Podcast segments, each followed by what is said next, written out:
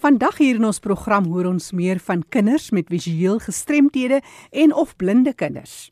Die hulp is vir skoolgaande kinders en hulle ouers. Ons het meer oor die uitdagings en hoe om deel van dit te bowe te kom, veral onderwysers en of goed toegeruste klaskamers.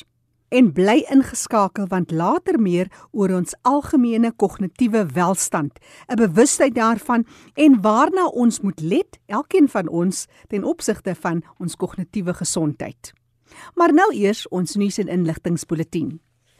Autisme Suid-Afrika is steeds beskikbaar per telefoon en al die oproepe word na 'n selfoon herlei, so jy kan steeds die nommer 011 484 9909 skakel of 'n e-pos stuur vir enige navrae. Ek herhaal die telefoonnommer 011 484 9909. Dit is vir enige navrae of hulp met outisme. Jy kan ook 'n e-pos stuur na info@autismsouthafrica.org. Jy kan ook na die webtuiste gaan autoknow.co.za. Daar is ekstra hulpbronne geplaas en bewustheid wat gekweek word wêreldwyd ten opsigte van outisme. Die Tygerberg Vereniging vir Gestremdes in Goodwood lewer dienste aan mense met fisies sowel as intellektuele gestremthede. Hulle dienste word verskaf aan kinders vanaf 6 jaar oud tot en met volwassenes van 60 jaar oud. Dis vir alle persone met gestremthede in die noordelike voorstede van Kaapstad. Hulle dienste sluit onder andere in maatskaplike werk en beradingsdienste, ondersteuning met hulpmiddels en reistoele en so meer, ondersteuningsgroepe in gemeenskappe. Hulle bied 'n werkswinkeldiens aan vir persone ouer as 18 en die persone kan by hulle kom inskakel. Maak telefonies kontak op 021 592 4173. Ek herhaal 021 592 4173 of stuur jou e-pos na admin@tygerbergapd.co.za. Innovation for the Blind is 'n nuwensgewende organisasie wat omsien na die behoeftes van persone met visuele en ander gestremthede vir die laaste 138 jaar. Die hoofdoel is om mense te bemagtig en om 'n verbeterde lewenskwaliteit te bied waarin die persone maksimale onafhanklikheid kan geniet. By Innovation for the Blind bied hulle residensiële mediese ondersteunende versorging, terapeutiese en rehabilitasiedienste aan volwassenes en senior burgers met visuele en ander gestremthede. Vir meer inligting kontak hulle Woesterkode 023 347 2745. Ek herhaal graag die nommer 023 347 2745 of stuur jou e-pos na info@ by innovationfortheblind.org. Jy kan ook hulle webtuiste besoek www.innovationfortheblind.org. Toeganklikheid van geloofsgemeenskappe vir mense met gestremthede is 'n groot uitdaging. Wil jy meer weet oor die onderwerp, kontak gerus vir Susan Bester. E-posadres: susanbesterde2@gmail.com. Leefwêreld van die gestremde op RSG elke Sondag van 05:30 tot 5:00 saam met Fanie De Tooy en Jackie January. Ons sluit nou aan by Fanie De Tooy. Baie dankie Jackie. Vandag sit ek die gesprek voort met Susan Bam en sy is van Blind SA. Welkom by ons by RSG Susan. Baie dankie Fanie vir nog 'n keer se praat. Susan, ja, ons het in 'n vorige program gesels en jy het skokkende nuus vir ons deurgegee op daardie stadium in terme van kinders met 'n visuele gestremdheid. So ons gaan vandag verder daaroor gesels soos beloof, maar vertel ons net eers meer oor jouself. Ek is blind gebore, my ma het Duitse maas ons gehad sy my verwag het. Soos my man altyd sê, ons weet nie wat ons mis nie, so dit dit heeltemal aanvaarbaar vir ons. Ja. En dan ek werk nou al van 2008 af vir blind is al by 'n onderwyskomitee ons help kinders en ouers om by die regte skole en by die regte mense uit te kom. Nou ja, in die vorige program het ons dan nog gesels oor die kind met 'n visuele gestremdheid, dis wat ek sien nou blinde kind en dis meer soos dit bekend staan Maar wat is die verskil tussen die veiligheidsaspekte want dit is 'n groot bron van kommer tussen nou die visueel gestremde kinders en dan die siende kinders?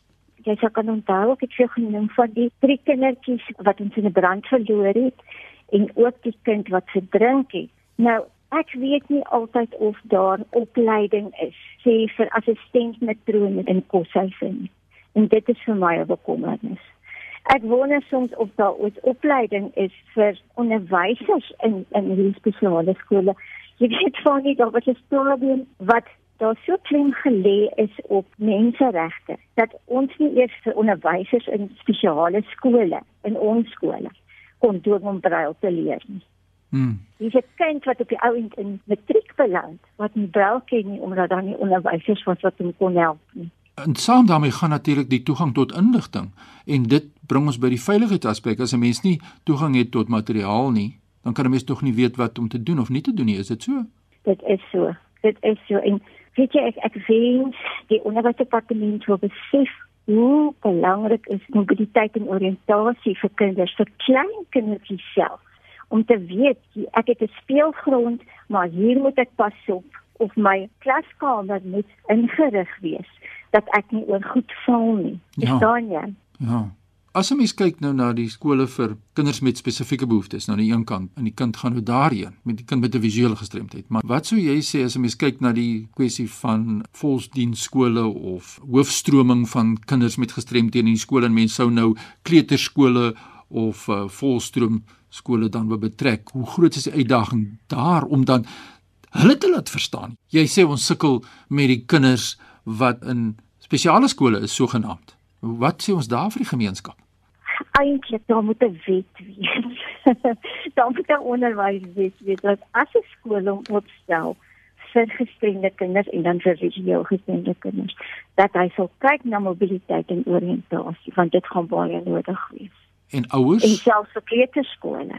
En ouers, hoe hoogte is hulle van die kwessie van die oriëntasie? Weet jy, ons kyk dit doen verskriklik baie met ouers wat klein kindertjies het. Dit kom hoe kleiner ons hulle kry, hoe beter.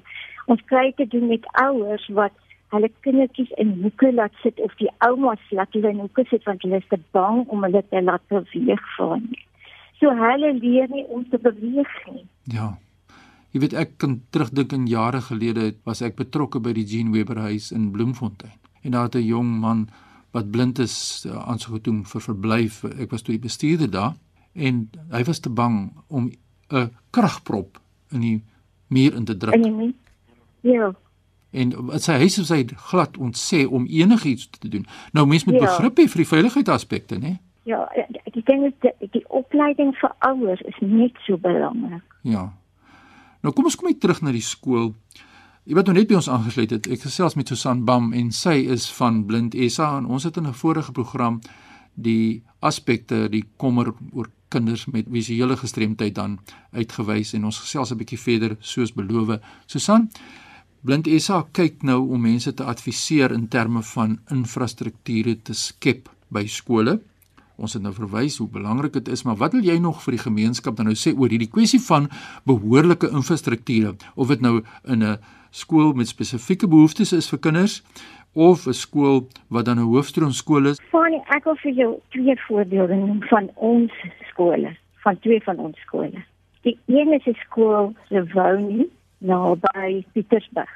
Nou ons is al van 2009 af met hierdie skool, is ons by hulle betrokke. En ons het niks gaan gekom erns gekom in 2009 want die hoof was te bang om haar klagtes op papier te sit wat ek kan verstaan en toe op die ou einde het ons nou weer 'n verslag gesien nou kort hulle het houtvloere maar die houtvloere val in nou kan jy dink hoe gevaarlik is dit vir 'n blinde kind hulle het byvoorbeeld daar's kindertjies wat twee twee op 'n bed slaap van 5 jaar tot 12 jaar daar's nie genoeg beddens nie Ek het 'n verslag gesien en gesien dat 'n dogter in die hoërskool het geskryf: "We don't have blankets and sheets. We cover ourselves with rags."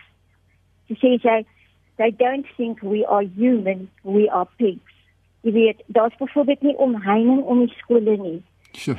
om die skool nie. So die kinders uh, glip uit. Dit is normale kinders, hulle is net blind, verstaan jy? Absoluut. Dit, dit is 'n verskriklike gevaar. Daar's meisies wat geskryf het, weet jy, ons moet daagliks ons slaapsale moet ons die water opvee van die badkamers wat in ons slaapsale inloop. Die seuns het byvoorbeeld nie hangkaste om hulle klere in te bære nie. Hulle moet dit op hulle matrasse sit. Dan is dit Prince wat 'n baie goeie skool is wat voorsien is van alles want hulle weet hoe om dit te doen. Hulle is in Pretoria. Hulle het hulle elektrisiteit is opgegradeer in in verlede jaar in Februarie. En toe die arbeidsdepartement vir hulle sertifikaat moet gee vir die elektrisiteit. Dit net een van daai kragtroppe, daar's nie 'n bord aangekoppel wat die elektrisiteit sal afgaan as dit word te hoog raak nie. Ja, die lekasie. Dit kan hulle dit kan hulle nie 'n sertifikaat kry nie. En weet jy wat, ek dink hulle het nou nog nie 'n sertifikaat nie. Toe die arbeidsdepartement kom, dis hulle weet julle wat ons moet hierdie skool sluit 38 van julle van julle klaskamers want die brandtrap aan die buitekant is nie op standaard nie. Nou, van toe hulle skool hou in die foyer, hulle moet skool hou in die eetkamer en die saal en die lig val nie reg geswak sien die kinders nie. Hulle het nie genoeg krag op en kan jy dink daai gemors? Nou oor hierso ons het kan nog ure gesels oor hierdie saak maar wat sê ons nou vir die gemeenskap wat nou luister na hierdie krisis waar die kind homself in bevind die kind met 'n visuele gestremdheid in Suid-Afrika? Moet mense julle regstreeks skakel en sê kom ons kom na vore kom skry meer verslae dat ons die situasie kan aanspreek want dis omtrent 'n gesprek vir 'n ander keer hoe gaan ons nou mense wat nou nie ja, denk, voldoen nie. Ek, ek dink die beste sou wees dat mense ons kontak as hulle probleme het en ek wil net vir sê op die ouende het met baie gesukkel het ons is dan nou in die kaset geaccepteer dat hulle wou nie in die skool kry. Oh. En ek dink dit het baie gegaan oor 'n kind van Felidia wat in matriek was wat vyf onderskeidings in daai skool gekry het. Ja. En dit het die aandag getrek op hierdie skool dat hierdie kind so goed doen. Hy het uit 98 vir ekonomie gekry. Wonderlik. En ja, en as hierdie omstandighede hierdie kind uitstyg en dit bereik. So ek wat ek kan sê ter afsluiting van ons gesprek vandag is dat die gemeenskap na vore kom hulle met julle kontak. Nou waar kry hulle julle nou aan die hand? As daar 'n ouer is wat ernstig gekom het, as daar rolspelers, onderwysers is wat na vore wil kom en sê goed, ons moet hierdie saak regstel omdat dit die regte ding is om te doen. Waar kry hulle vir julle aan die hande? Dit jy hulle kan my skakel en ek sal vir hulle verwys na is na die regte persoon toe want want ek werk eintlik net met onderwys. Ja. En my nommer is 079 871 6628 Herhaal ons sy nommer? 079 871 6628. Dankie. En gee ons die e-posadres? Dit is susanmbam@gmail.com. Nou so sê Susan Bam, sy is betrokke by Blind SA. Kom ons doen 'n beroep op die gemeenskap kom na vore. Susan, baie dankie dat jy jou hart oopgemaak het vandag met ons en vir ons vertel het wat die realiteite soms is in terme van die kind met 'n visuele gestremdheid. Baie dankie vir jou deelname. Dankie van en dankie vir julle goeie werk. Mooi bly. Ja, Jackie, dit is hoekom ons hierdie platform moet hê dat mense wat regstreeks deur hierdie sake geraak word na vore kan kom, die inligting vir ons kan deurgee sodat ons kan kyk hoe ons kinders met gestremdhede 'n gelyke geleentheid kan gee. My e-pos is fani.dt@mweb.co.za. Groetens uit Kaapstad. Dis kollega Fanie de Tooi daar uit die Kaap. Dis ERG waarna jy luister is die program Leefwêreld van die Gestremde. Onthou die program is beskikbaar as 'n potgooi. Jy kan weer gaan luister. Gaan na ersg.co.za, klik op potgooi en soek onder L vir Leefwêreld van die Gestremde en vandag se datum. Die kontakbesonderhede van ons deelnemers is ook op ons webtuiste. Ek gesels nou meer oor kognitiewe welstand. En ek gesels vandag met Santarin Henry. Sy is die hoof van gesondheid by Livewell. Dis 'n gespesialiseerde fasiliteit hier in Bryanston, Johannesburg, spesifiek vir mense wat gediagnoseer is met demensie. Dis sekere groot voorreg en partykeer maak dit jou seker bang. Hoe ervaar jy so werk, Santeri? Jo, ehm um, dit het sy uitdagings elke dag, maar dit het dit het ook sy eie lekker gevoel om by so 'n fasiliteit te werk. Jy het die geleentheid om saam met families te werk en jy het die geleentheid om saam met mense te werk wat ongelukkig gediagnoseer is. Maar dis lekker op die ou einde van die dag. Mm. Jy jy geniet dit, ja. Nou dis 'n baie interessante uh verskynsel die hele ding van dimensie. Ja. Uh, vertel ons so 'n bietjie oor dit. Hoe jonk is die jongste persoon by julle? Oud is die oudste persoon? Uh van hoe oud af kan 'n mens eintlik met so iets gediagnoseer word? Ja, kyk, um as ons ja, as ek vir jou kan verduidelik, die woord dimensie word baie keer baie uh, in 'n vreemde lig gestel as ek dit so kan sê. Dimensie is 'n is 'n sambreelterm vir kognitiewe agteruitgaan. Jou brein gaan ongelukkig stelselmatig dood. Die mees algemeenste tipe van 'n demensie is Alzheimer. So gewoonlik raak mense te mekaar deur om te sê maar hulle het demensie en al Alzheimer of is dit okay kan 'n mens Alzheimer hê um wanneer jy demensie het maar dit het al twee is verwant aan mekaar. Die jongste persoon by ons fasiliteit is op hierdie oomblik 55 jaar oud en die oudste persoon by ons fasiliteit is 98 jaar oud. Wow. Ja, so dit hang ook af wat se tipe demensie jy het. Meeste van ons ouerige persone het Alzheimer en die jonger persone waarvan ek nou gesels of waarvan ek nou gepraat het is uit Korsakoff, um demensie. Ehm um, en die ander een het frontale lob demensie. Wat is die Korsakoff? Uh Korsakoff demensie is ongelukkig alkohol as gevolg van te veel alkoholinname. Ehm um, en dan het die het die brein net op 'n stadium besluit maar ek kan nie meer inneem nie. Kan dit ook met ander ehm um, misbruik van dwelms dagga en so meer gebeur? Ja, maar meeste maar meeste vrou van van alkohol verwant. Hmm. Dan is daar frontale lob ook ehm um, wat ons het en dit kan ook op enige tyd gebeur.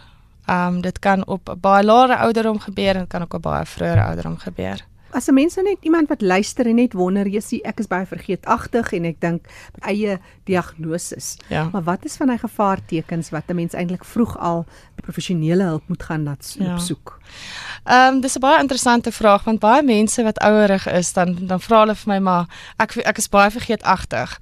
Ehm um, is dit een van die tekens? Wel, dit is een van die tekens, maar daar's ander tekens van jy ook moet kyk. Wat ek altyd sê is om 'n goeie voorbeeld te gebruik as jy jou kar sleutels te vat en te sê o, gat, ek het ergens my kar sleutels neergesit en jy weet nie waar dit mee is nie en dan na die tyd onthou jy o ja, ek het dit daar neergesit. Maar as jy jou kar sleutels vat die eendag en jy kyk daarna en jy dink, okay, maar wat op dese aarde is dit? Ehm um, dit is een van die een van die tekens om na te kyk. Ander ding is jy jy kan nie meer so lekker redeneer nie. Jou redenasie vermoë, jou insig in um in jou omstandighede en wat mense sê is dis ongelukkig nie meer op dieselfde vlak as wat dit altyd is nie. So en ook jy kan ook nie meer reg mobili mobiliseer nie. Hmm, jou beweging. Jou beweging ja. So hmm. natuurlik is geheue verlies definitief een van die dinge om na te kyk. So as jy na 'n dokter toe gaan om getoets te word, dan is daar sekere toetse wat die dokter doen wat daai hele spektrum na kyk. Nou as 'n mens eintlik maar nou kyk na ouer word en ek praat nou nie eens van 55, ek praat van enigiets van 20 tot 50 wat ook al. Kan jy eintlik tot 'n minder en 'n meerdere mate al daai simptome erken en daarmee jy weet assosieer? Ja. Maar wat is daai deurslaggewende ding? Jy het nog gepraat van beweging. Ja. Miskien moet jy net dit so bietjie verder vat. Ehm um, kyk op die einde van die dag as jy as jy met al daai simptome vertoon. Ehm um, en as ek nou sê Jesus wat jy nou vra van beweging, jy begin jou voete te sleep. Ehm um, en jy kan nie meer byvoorbeeld goed reg vat met jou een hand nie. Jy's besig om stelselmatig ehm um, beheer te verloor van jou alledaagse funksionering dit is dan vir jou die teken om dan na 'n spesialis toe te gaan definitief. En dan 'n regte diagnose te kry want op die ouende ons kan onsself ongelukkig nie diagnoseer ja, nie. ja. jy moet by 'n psigiater of 'n neuroloog uitkom. Wat ek dink uit ondervinding wat 'n mens nou van familielede is ook die instink. Wanneer familie of vriende agterkom en of jouself ek dink 'n mens moet seker jou ook steur ja. aan daai ehm um, wekroep ja. Ehm um, daar's baie mense wat dit ervaar En die ding is baie mense is bang daarvoor. So hulle sal wat ons al gesien het is dat mense sal ehm um, byvoorbeeld as hulle nie meer goed kan onthou nie, dan sal hulle dinge opmaak om jou te oortuig dat hulle dit eintlik kan onthou, maar hulle kan nie. So as hulle 'n storie oor en oor en oor vertel, dan sal hulle begin om te sê, "Maar ek het jou mos gesê, het ek nie?" En dan dit van daar af vat. So dit is um jy gaan mooi moet kyk, jy kan dadelik sien dat 'n persoon hulle kom self agter dat iets is nie lekker nie en hulle steek dit weg. Mm. En jy is 'n familie en as 'n goeie vriendin, jy moet oplet daarvoor en dan moet jy jy moet die persoon al probeer oortuig om te sê dit is nou dis nou die regte tyd om te gaan. Want medikasie is ook baie belangrik. So om die regte diagnose te kry en om medikasie te kry daarvoor. As jy agteruit toon met jou brein, en in byvoorbeeld demensie kan dit deur medikasie as jy nou byvoorbeeld na iemand kyk met skizofrenie met medikasie kan jy eintlik normaal lewe as ek dit nou vir die oomblik so kan sê. Kan dit jou soort van 'n beter kwaliteit van lewe verseker? Ja. Kyk medikasie kan dit vir jou 'n beter kwaliteit van lewe vir um, gee. Dit kan ongelukkig nie die progressie stop nie. Ehm um, want die kognitiewe afname gaan gebeur uh, medikasie help om die proses nie so vinnig te laat vorder nie, want vordering gaan plaasvind op die ou einde van die dag. Dit is nou ongelukkig maar hoe dit werk. Maar maar dit is nie medikasie is nie al wat jy nodig het nie. Jy het definitief stimulering nodig om 'n kwaliteit van lewe te hê nog steeds.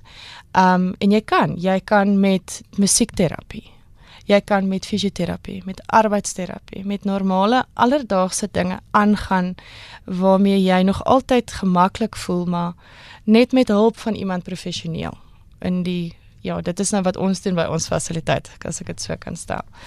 So jy kan definitief 'n kwaliteit lewe met daai ehm um, met daai kombinasie. Kan jy definitief hê, ja. Santerin Henry wat gesels, sy is die hoof van gesondheid by die Live Well sentrum in Bryanston, Johannesburg en hierdie sentrum is 'n gespesialiseerde fasiliteit vir mense wat gediagnoseer is met demensie. Jy kan kontak maak met hulle telefoonnommer 011 463 8212. Dis die Live Well sentrum vir demensie in Bryanston, Johannesburg 011 463 8212. Jy kan ook vir Santerine e-pos stuur. santerine@livewell.care en so gepraat van ons kognitiewe welstand. Die Suid-Afrikaanse Federasie vir Geestesgesondheid werk gedurende hierdie grendeltydperk nie van hulle perseel af nie, maar hulle is steeds beskikbaar. Hulle sal in hierdie tyd in staat wees om die publiek met inligting te kan voorsien wat verband hou met geestesgesondheid. Inligting word verskaf oor toegang tot geestesgesondheidsbehandeling, asook inligting oor ander bronne en organisasies wat hulle in hierdie tyd mag nodig hê. Jy kan gerus deur middel van 'n telefoonoproep of 'n WhatsApp die volgende nommer gebruik: 076 078 8722. Ek herhaal 076 078 8722 of stuur vir hulle 'n e-pos na info@safmh.org.za. Leefwêreld van die gestremde is beskikbaar as 'n potgooi rsg.co.za. Vir enige ander terugvoer of navraag stuur 'n SMS na 45889. 'n SMS kos jou R1.50. Leefwêreld van die gestremde staan onder leiding van Fanie De Tooy en Jackie January.